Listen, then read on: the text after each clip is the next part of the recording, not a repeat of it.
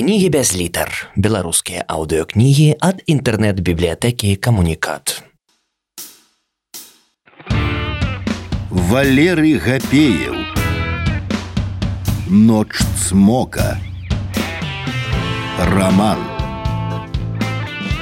Раздел другі Нават калі вельмі доўга хадзіць па крузе, вынікам стане толькі вытаптаная сцежка – з адным аператыўнікам мы хадзілі вакол трупа па спіралі, усё пашыраючы кола і уважліва ўглядаліся сабе пад ногі. Роўная зямля з характэрнымі баросткамі пасля баранавання. Ячмень яшчэ не падняўся высока, ды і пасеяны быў радкамі. У ім не магло хоць нешта схавацца ад нашых позіркаў. Нідзе не тое, што следу, а нават намёку, што тут нехта хадзіў. За нашим кружляннем по полі з маўклівым дакорам назірала ад свайго хлява гаспадыня. Бабулька сталага веку, апранутая ў чорную сукню. Стаяла крыху прыгнуўшыся наперад, абапіраючыся на таўставаты кіёк. Было сорамна, топчам усходы. Мабыць жа учора бабулька нямала пабегала, каб знайсці гаспадара з конікам, нямала улагоджвала, каб выскарадзіў чыста зелле, а ячмень каб не пацярпеў. І вядома ж, ставіла бутэльку на стол, смажыла яечню, кроіла тоўстымі кавалкамі магазинную каўбасу, якую так і не навучылася рэзаць па-гарадскому тонкімі акуратнымі скрылікамі. Ды і навошта вучыцца, калі кавалак павінен быць на кавалак падобным, каб было што ў рот пакласці рабочаму мужчыну. І мы вось цяпер топчамся, ходзім па яе полі, як па сваім двары. Ну як? Узняла на мяне вочы тамара, калі падышоў да яе пасля таго, як наша спіраль дайшла да ўтравелага ўзмежжа. Д'ябальшчына нейкая, шчыра прызнаўся я ў сваёй няздольнасці хоць нешта патлумачыць. Слядоў аніякіх нішто не паказвае на тое, што сляды, калі яны былі, нехта пасля заграбаў. З бараной ганяліся ад краю туды і назад па другім баку. Малюнак пасля зубцоў паўсюдна роўны, нідзе нічым не перапынены. Труп з'явіўся на ўжо пабаранаваным полі сказаў, каб нешта яшчэ сказаць, бо мне і самому падалася дурной думка пра тое, быццам нехта учыніў злачынства, пакінуў труп на полі, а сам стаў тое поле спакойна баранаваць. Будзем лічыць, з неба упала, спакойна резюмавала Тамара, дастала цыгареты. А голая таму, што якраз на мятле ляцела, як тая, як яе, Маргарыта, так? Я цішком глянуў на тамару, жартуе яна ці што, як яе разумець. Тады мятлу знайсці трэба. Халера з ёй кажу, загадна прамовіла тамара і пільна паглядзела на мяне. Не тлумі галаву тым, што не можаш патлумачыць адразу, тым больш ніякай карысці з таго тлумачэння не будзе. Чаму не будзе, заўпарціўся я. Таму, Відавочна, смерць напаткала яе тут. Значыць, на поле прыйшла сама. Неяк прыйшла, але сама. Калі б яе сюды прынеслі, павінны па-першае несці ў двух, бо не такая яна худзенькая, А калі б і адзін нёс, дык тут не сляды засталіся б, а яміны. І няма сэнсу несці забітую на чыстае поле, класці пад вочы людзям, ды яшчэ руки ногі выкладваць узорам усё лухта. Адкуль яна ішла? Вось пытанне, дзе ўсе адказы. Шукай. Ды разумею, павініўся я. Калі бачыў многа трупаў, не мёртвых у трунах, а менавіта трупаў, застылых у сваіх апошніх рухах, то лёгка адрозніць мёртвага чалавека ад проста знерухомелага, асабліва труп без адзення, Але жанчына на мяккай посцілцы баранаванай зямлі ўдавала сябе жывую, настолькі жывую, што цягнула падысці і прыкрыць сваім пінжаком яе аголеныя сцёгны.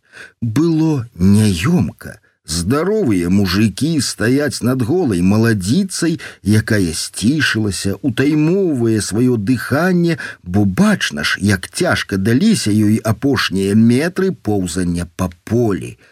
Але ж невялікая дзірка ў вобласці рэбраў з кароткім засохлым крывавым падцёкам падказвала ўсім нам, хто не першы раз бачыў такія раны. Жанчына мёртвая. Кажуць, калі чалавек памірае на руках, дык момант смерці вельмі проста вызначыць. Цела яго раптоўна становіцца больш важкім. Не было ў мяне выпадку праверыць тое на практыцы, ведаю адно: мярцвяк заўсёды цяжкі. Смерць напаткала гэтую жанчыну зусім нядаўна. Яшчэ ніколькі не спруцянелі мышцы яе рук і ног, яны лёгка разагнуліся, калі мы перавярнулі труп на спіну. Цяпер я зразумеў сапраўднасць тамарыных слоў наконт прыгожых, якіх забіваюць. Стан дзяўчыны быў бездакорны. Праўда, нехта мог бы давесці, што яна залішне тоўстая для свайго ўзросту, але менавіта такіх прыгажунь, кажучы сённяшняй мовай, рэкламаваў кустодзіяў, паўнацелых, здаровых ва ўсіх сэнсах, калі і сцёгны, каб дзяцей нараджаць без страху, і грудзі, каб малака хапіла на тройню, адно валасы коротко падстрыжаныя і спакойны твар, заплюшчаныя вочы, сціснутыя вусны. Далі Бог, так паміраюць у сне, без болю і тугі. Вось дык маеш, прысвіснуў старшы з аператыўнікаў. Тамара Сергеевна, рана скразная, уваход з правага боку, а выхад вось. Аператыўнік пацягнуў труп за руку і павярнуў цела на правы бок. Другая невялікая рана была амаль без слядоў крыві, але дастаткова выразнай, каб казаць пра тое, што яна звязана з ранай на правым баку. І што такое можа быць? Тамара амаль не выказала свайго здзіўлення, памацала рану пальцам. Не надта вострая, атрымліваецца, скуру быццам парвала, а не разрэзала. Ды вось першае ў галаву прыйшло шомпал, адказаў аператыўнік. Тады хутчэй нейкі самаробны шампур, насадзілі яе як кавалак мяса, не згадзілася тамара. Уваходная адтуліна великаватая для шомпала, дакладны эксперт скажа: прыкрыйце чым яе. Нечакана попрасіла тамара. Занадта яна жывая. Прокурор павярнулася да мяне з працягнутымі рукамі, я дастаў з кішэні пачак веліготных сурветак і выцягнуў дзве сабе і ёй. Калі труп загрузілі ў машыну аператыўнікаў, Тамара прысела на вялікі шэры камень, які відавочна выцягнулі на ўзмежжа з поля і коротко прапанавала: « Выказваемся. Маем труп голай бабы, не іначай ведьмы, скрывіўся ў спробе усміхнуцца адзін з аператыўнікаў. Ну, яна не ведьма, нечакана ўмяшаўся участковы тумар. Ён працёў сваю вільготную лысіну, але фуражку чамусьці так і не надзяваў. Ва ўсякім разе людзі нічога такога не казалі пра яе, А вось бацька так. Што так? попрасіла ўдакладніць Тамара. Бацька яе у мінулым вядомы вядзьмак лячыў людзей, а больш скаціну. Дзяцей ад спалоху адчэптваў, казалі мог і зелля для жанчын прыгатаваць, каб мужика ўтрымаць ля сябе. Нехаця распавёў тумар. Ды не глядзіце на мяне так. Вядзьмак ён і у нас вядзьмак і ў Афрыцы. Сам у яго гадоў колькі таму з жыватом быў. Так хапіла было жывот, нічога рады даць не магло, і дактары руками развялі і чым лячыў, шаптаў можа, пакпіў нехта. Тумар зірнуў на аператыўніка, які задаў пытанне, сарваў травінку і стаў кусаючы яе расказваць з лёгкай крыўдай быць дзіця, якому не вераць. Як чалавек здаровы, ён з усяго смяяцца можа, А як прыцісне, калі стане не да смеху, пабяжыш, папаўзеш, хоць да ведзьмака, хоць да чорта лысага. Кажу праўду, так скруціла было, ні халеры не дапамагала. На хуткай прыехалі, праверылі, апендыцыту няма, тэмпературы няма, панос не ганяе. Ляжы, цярпі, будзем назіраць незразумелую клінічную карціну. Ага, уляжыш. Мяне сваяк у машыну закінуў і паехалі. Зміцер, ну вядзьмак, бацька вось забітай. Мне адвару нейкага даў папіць бы з грушак, а пасля на печ загнаў і кажа: злазь галавой і руками наперад. Як спаўзаў? Ну так, спаўзаў, з печы на палок, з палка на падлогу, тады ўжо ўстаў. І як? Першы раз заранне усміхнулася тонкімі сухімі вуснамі Тамара ды пайшоў як новонароджаны бы нехаця закончыў тумар і зірнуў на тамару не верыце чаму тут не верць паціснула плечукамі тамара моя бабця свайго сына майго дядзьку так лячыла нескладанае вядзьмарства так лечаць калі пуп надарвеш цяпер ужо і не ведаюць мужикі як тое ідзе пуп надарваць а раней Так, давайте бліжэй да справы. Вядзьмак не ўцячэ ад нас. Адна дзенюткая рана, ніякіх сінякоў, драпінаў, голая, з'явілася ноччу, значыць, шукаем мужчыну і думаем, чым маглі такім ударыць. Давай, тумар, кажы найперш пра яе каханка. Не скажу, паморшчыўся тумар бы ад кіслага. Не было ў яе каханка такая жанчына вабная і каб кавалера не было Ды яна мужик мужиком была адчайна выгукнуў тумар прызнання быццам сам быў вінаваты на косы яе гляньте под хлопца подстрыжаная яна такой і хадзіла як мужик апраналася калі яшчэ зусім дзеўкай была дык адно з дзяўчатамі сябравала тады ўжо на яе паглядалі з насцярогай маткі дзяўчатам казалі каб з ёй не вадзіліся пару разоў было хлопцы да яе спрабавалі падысці пад'ехаць на гулянках дык дарэмна не я колькі за ёй назіраю і з чаго ты за ёй назіраць стаў Перапыніла тамара ды не разгубіўся тумар цікава ж то чытаеш кіны глядзіш дык там усе гэтыя ненармальнасці толькі ў гарадскіх бываюць а тут вось хутар забіты лес вакол і такое Прырода не выбірае горад ці вёска, умяшаўся старшы аператыўнік. Значыць, маем актыўную лесбіянку. І трэба шукаць сяброўку. І сябровак не было ў яе. Цяпер ужо са шкадаваннем паведаміў тумар. Цураліся яе, хоць вось са мной яна была вельмі паважнай, разумніца. Трэба капаць сярод знаёмых. Не спадзявайцеся на прастату. Тамара ўзнялася, абтрэсла абцягнула вузкую спадніцу. Працуйце, ведаеце самі, што рабіць. Мне праз гадзіну ў турму на разбіральніцтва скаргаў. Будете анатамировать, запросите загадчыцу гінекалагічнага аддзялення нашай бальніцы Раісу Ананіемну. Бацьку распытайце асабліва. Ужо як атрымаецца, уздыхнуў тумар слабы зусім амаль не гаворыць а як там з яго галавой і чаму верыць Мы заехалі ў сельвы канкам, я попрасіў сакратара, каб падрыхтавалі і да вечара перадалі звесткі пра ўсіх жыхароў вёскі. Папярэднія размовы з мясцовымі і з бацькам забітай будуць весці аператыўнікі. Мяне чакаў кабінет, папяровая работа. Трэба было тэрмінова заканчваць заключэнне патапельцу, а найперш прыбрацца.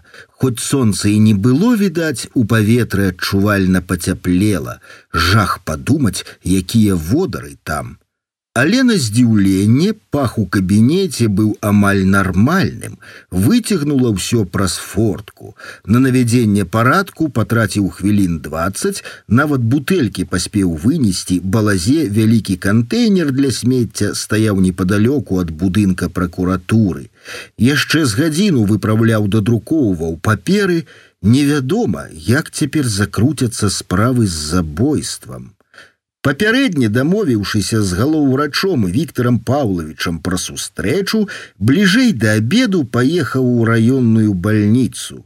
Мне ўжо даводзілася сутыкацца з Віктором Павловичам і па справе і ў неафіцыйных абставінах. Імпанавала яго манера трымацца, інтэлігентна, сціпла і адначасова з годнасцю Хударлявы заўсёды чыста выгалены і акуратна коротко падстрыжаны з вялікай залысінай.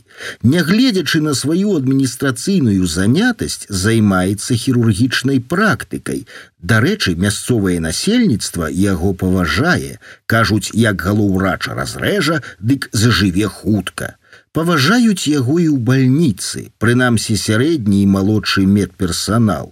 Адна з рыс галоў врача заўсёды вітаецца з усімі ў аддзяленнях. Аднойчы спытаўшы прозвішча і імя, адразу запамінае і ў наступны раз звяртаецца па імені. А тое вельмі падабаецца і маладым медсёстрам і распаўнелым санітаркам. Асаблівую павагу сярод моладзі і пэўнай часткі разумнейшых немаладых супрацоўнікаў Віктор Паўлович здабыў у мінулым годзе. Тады стаяла неймаверная гарачыня. Медсёстры ў бальніцы мусілі ратавацца, надзяваючы свае халаты на голае цело. А тыя халаты з сінтэтыкі белай, то не касцюмы ўрачоў са шчыльнай зялёнай тканіны. Дык трусы і станікі жанчын, якія дастаткова сексуальна падкрэслівалі вабныя формы ў большасці медработнікаў, выклікалі ў асобных пурытан, як мужчынаў, так і жанчын, літаральныя прыступы шаленства. Дайшло да таго, што пасыпаліся скаргі ад найбольш пільных грамадзян у райвыканкам. Тамара рассказывала, што на адной апаратнай нарадзе старшыня райвыканкама, той яшчэ самадур, накінуўся на галоў врача. Развёў бардэль, медсёстры амаль голыя ходзяць. На гэта Віктор Павлович, выслухаўшы з'едлівыя абвінавачанні і патрабаванні неадкладна навесці парадак, спакойна адказаў: Згодна з санітарнымі нормамі медыцынскі персанал павінен пераапранацца ў спецадзенне, знімаючы сваю вопратку. Мы атрымалі тыя медыцынскія халаты па лініі гуманітарнай дапамогі 5 гадоў таму. Грошай, якія былі выдзеленыя на спецадзенне за мінулыя 5 гадоў, хапіла толькі на касцюмы пяці маладым урачам. Іншыя даношваюць старыя ці купляюць пры выпадку касцюмы за свае грошы. Калі мне сёння пералічаць патрэбныя мільёны, тут галоўврач назваў суму з дакладнасцю да рубля. Заўтра весь медперсанал будзе апрануты згодна з патрабаваннямі санітарыі і дыенталогіі. У адваротным выпадку медсёстры будуць насіць тыя самыя празрыстыя халаты, якія сталі празрыстымі з прычыны цалкам выпрацаванага рэсурсу і распаўзаюцца літаральна на вачах.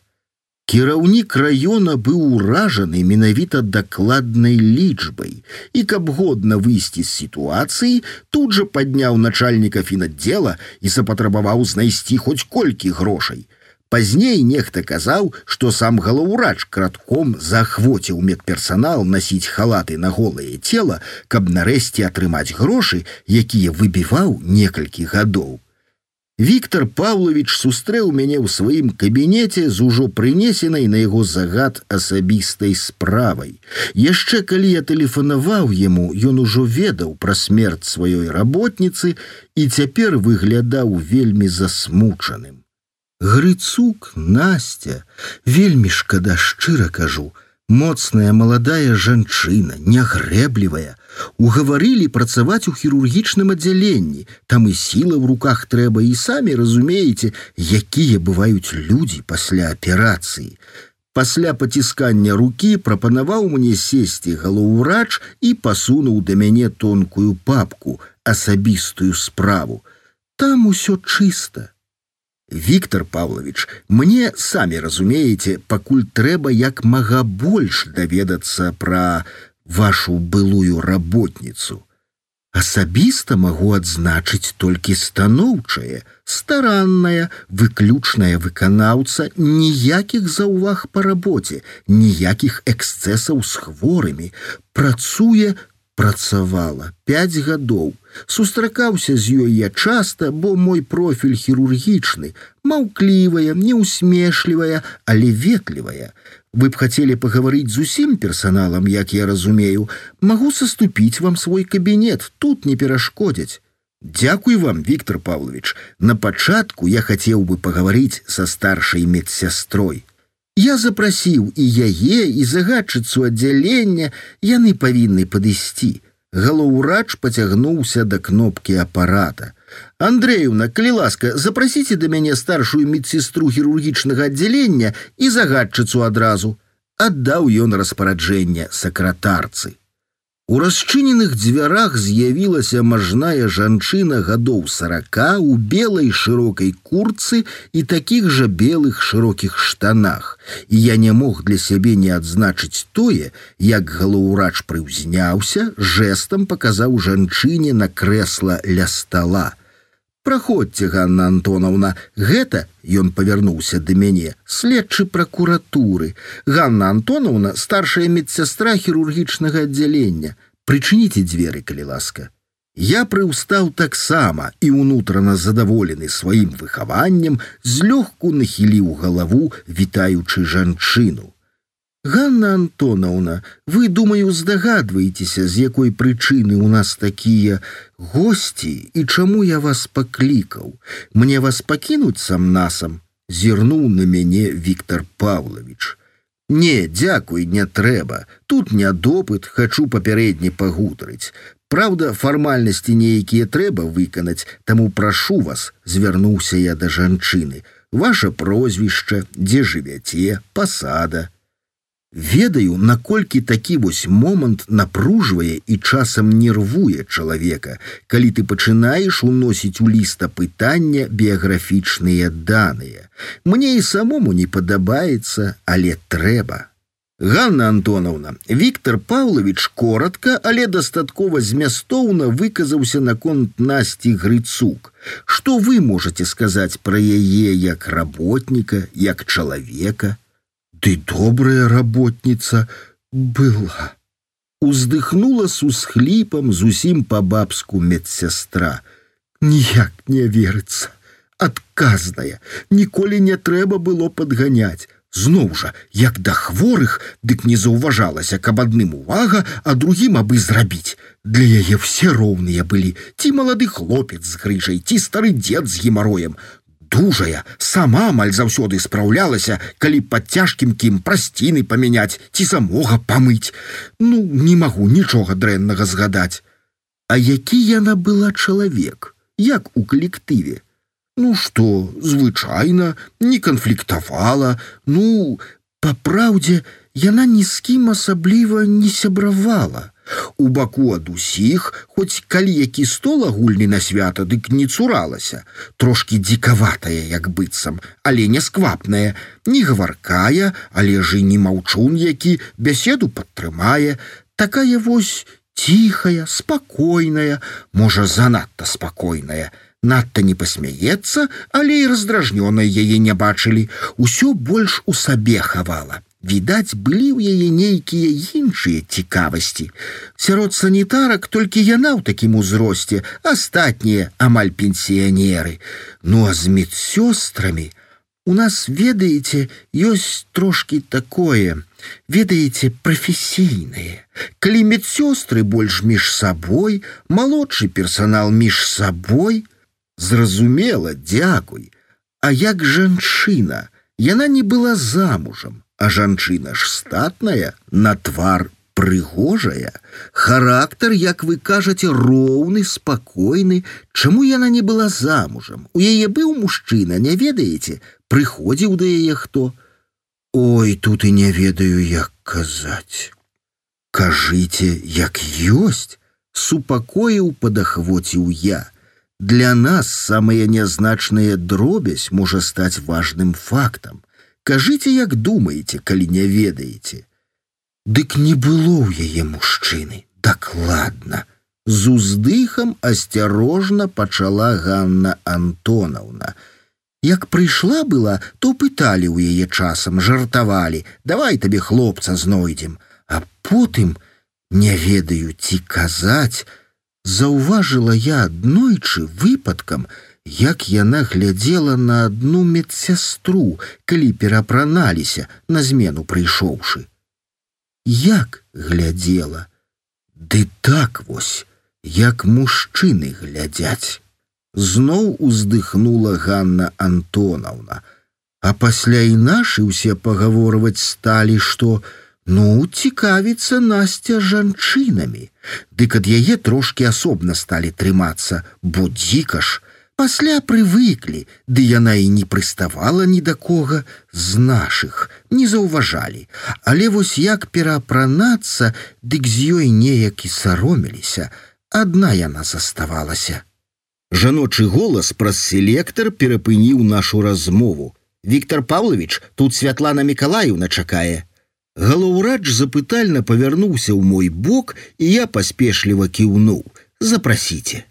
Святлана Миколаевна, як я зразумеў загадчыца аддзялення, зайшла ў кабінет глыбока пасаджаныя вочы і выразныя цёмныя кругі з адвіслымі складкамі под вачыма надавалі яе твару стомлены нават непрыгожы выгляд. Больш затое мільганула думка, жанчына толькі выйшла з запою, але пастава яе тое, як яна прысела на крэсла, упэўнена, але не з нахабнай самаупэўненасцю, а больш яе уважлівы, прафесійна дапытлівы позірк падказвалі мне, што паўкружжы пад вачыма ад захворвання, магчыма, нешта з ныркамі, ці сапраўды ад стомы.